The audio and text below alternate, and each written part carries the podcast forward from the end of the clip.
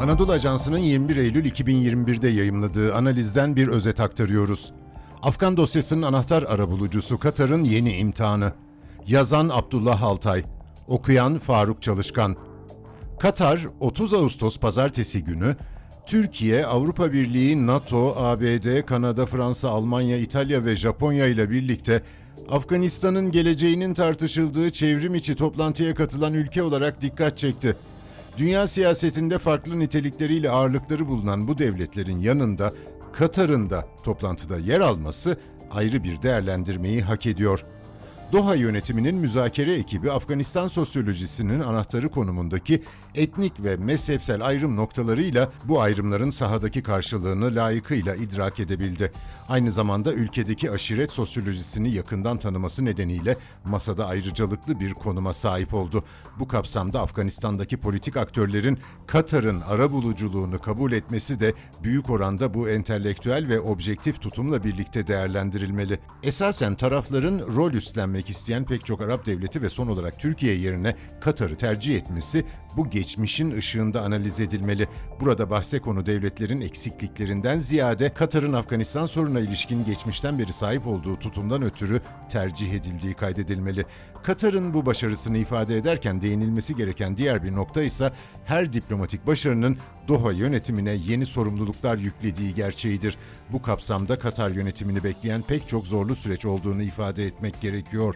Afganistan'da bütün tarafların yönetime katılması ülkede yeni bir çatışma yahut iç savaşa yol açmayacak biçimde muhaliflerin ve aşiret gruplarının yeni döneme adaptasyonunun sağlanması öncelik arz ediyor. Uluslararası tarafların önemli bir bölümünün Taliban'ı ve müstakbel Afgan hükümetini tanımak için ortaya sürdüğü şartlar da yine zikredilmeye muhtaç. Pek çok devlet Afganistan'da yeni kurulacak kalıcı hükümeti tanımak için Taliban'ın tutumunu izleyeceğini, siyasi süreci değerlendireceğini, ülkedeki güvenlik perspektifi ve insan hakları yaklaşımlarını gözlemleyeceğini ifade etti.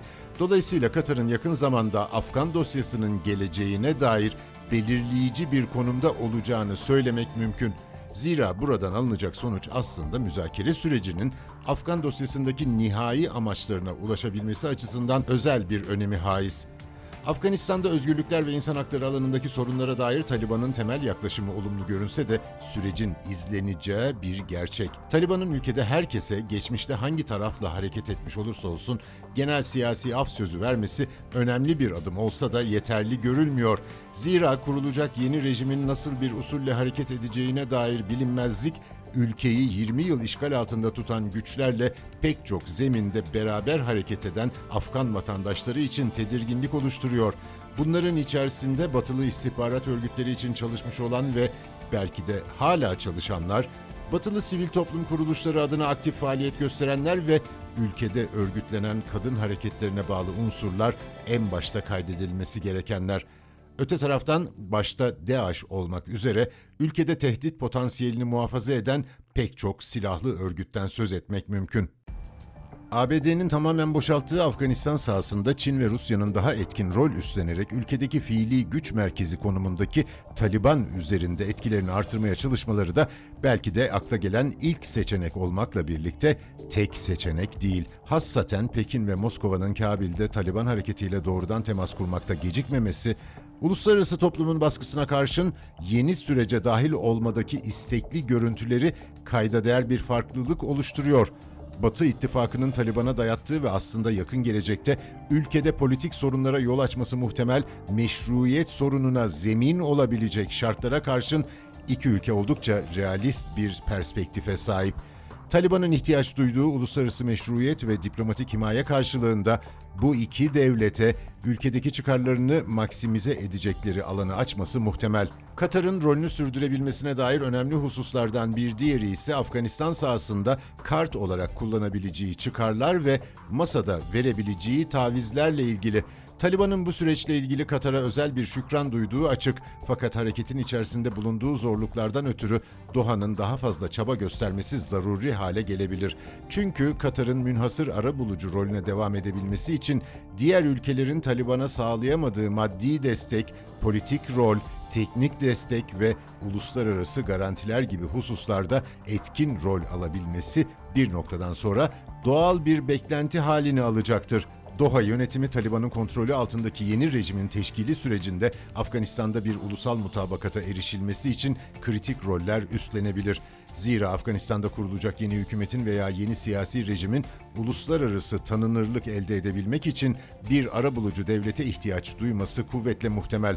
Katar'ın teknik yardımlar ve yatırımlar üzerinde ülkenin yeniden yapılanmasında üstleneceği rol, Taliban yönetimindeki Afganistan'da asli bir aktör haline gelmesini sağlayabilir.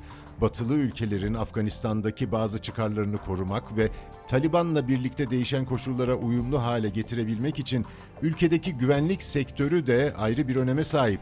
NATO güçlerinin ülkede üstlendiği rolü Türkiye'nin alması, Kabil Uluslararası Havalimanı'nın yönetimi, ayrıca güvende ve işler tutulması bu bağlamda akla gelen ilk hususlar. Katar'ın Eylül ayı başında Kabil'e havalimanını faal hale getirebilmesine yönelik mevcut ihtiyaçları değerlendiren bir teknik ekip göndermesi esasen bu ihtiyaca karşı üretilmiş bir cevaptır. Doha, Taliban hareketinin devleti yönetebilmesi için ihtiyaç duyduğu insan kaynağının yetiştirilmesinde de rol almaya namzet bir konumda. Bakanlıklar ve hükümetin yönetimi için gerekli kamu yönetimi bilgisiyle donatılmış kadroların yetişmesi için Katar ve Türkiye'nin başat rol oynaması beklenmekle birlikte bu süreçte iki ülkenin müttefikleri yahut sivil toplum kuruluşları da yükü paylaşmaya aday görünüyorlar. Son olarak Afganlar ve uluslararası toplum nezdinde kabul gören bir tarafın saha müdahalesi gerektiren sivil meseleler yahut askeri konularla alakalı lojistik destek sağlaması da Afganistan için gerekli bir diğer husus. Burada üstlenilecek rol bir hava köprüsü niteliğindeki uçak filosunu gerektiriyor. Doha yönetimi Afgan mültecilerin dönüşü, batılı ülke vatandaşlarının ülkelerine dönüş süreçleri, Birleşmiş Milletler'e akredite süreçlerin yönetimi ve tahliye operasyonlarında üstlendiği rolle birlikte uluslararası yetkinliğini de ortaya koydu. Katar'ın bu süreçte tahliye operasyonlarının %40'ını tek başına üstlenmesi bu yetkinliği tescil eden kesin bir veridir. Yukarıda özetlenen fırsatlar ve sorunlar içerisinde Katar'ın rolü temelde Afganistan dosyasında müttefiklere duyduğu ihtiyaca da işaret ediyor. Esasen bölgede Katar'la birlikte pek çok dosyanın parçası konumundaki devletlerin bu süreçte Doha yönetimiyle koordinasyon içerisinde olması sürpriz olmayacaktır. Zira Katar'ın diplomatik ve teknik yeteneklerini Afganistan özelinde yaygınlaştırabilmesi için insan kaynağı noktasında desteklenmeye muhtaç olduğu da kaydedilmeli. Özellikle Afrika'da ve hatta pek çok düşük nüfuslu Arap devletinde Çin'in insan kaynağı destekli teknik varlığı ortadayken Afganistan'ın bu zeminde farklı bir ittifak tarafından desteklenmesi bölgenin geleceği açısından önemli bir potansiyele sahip.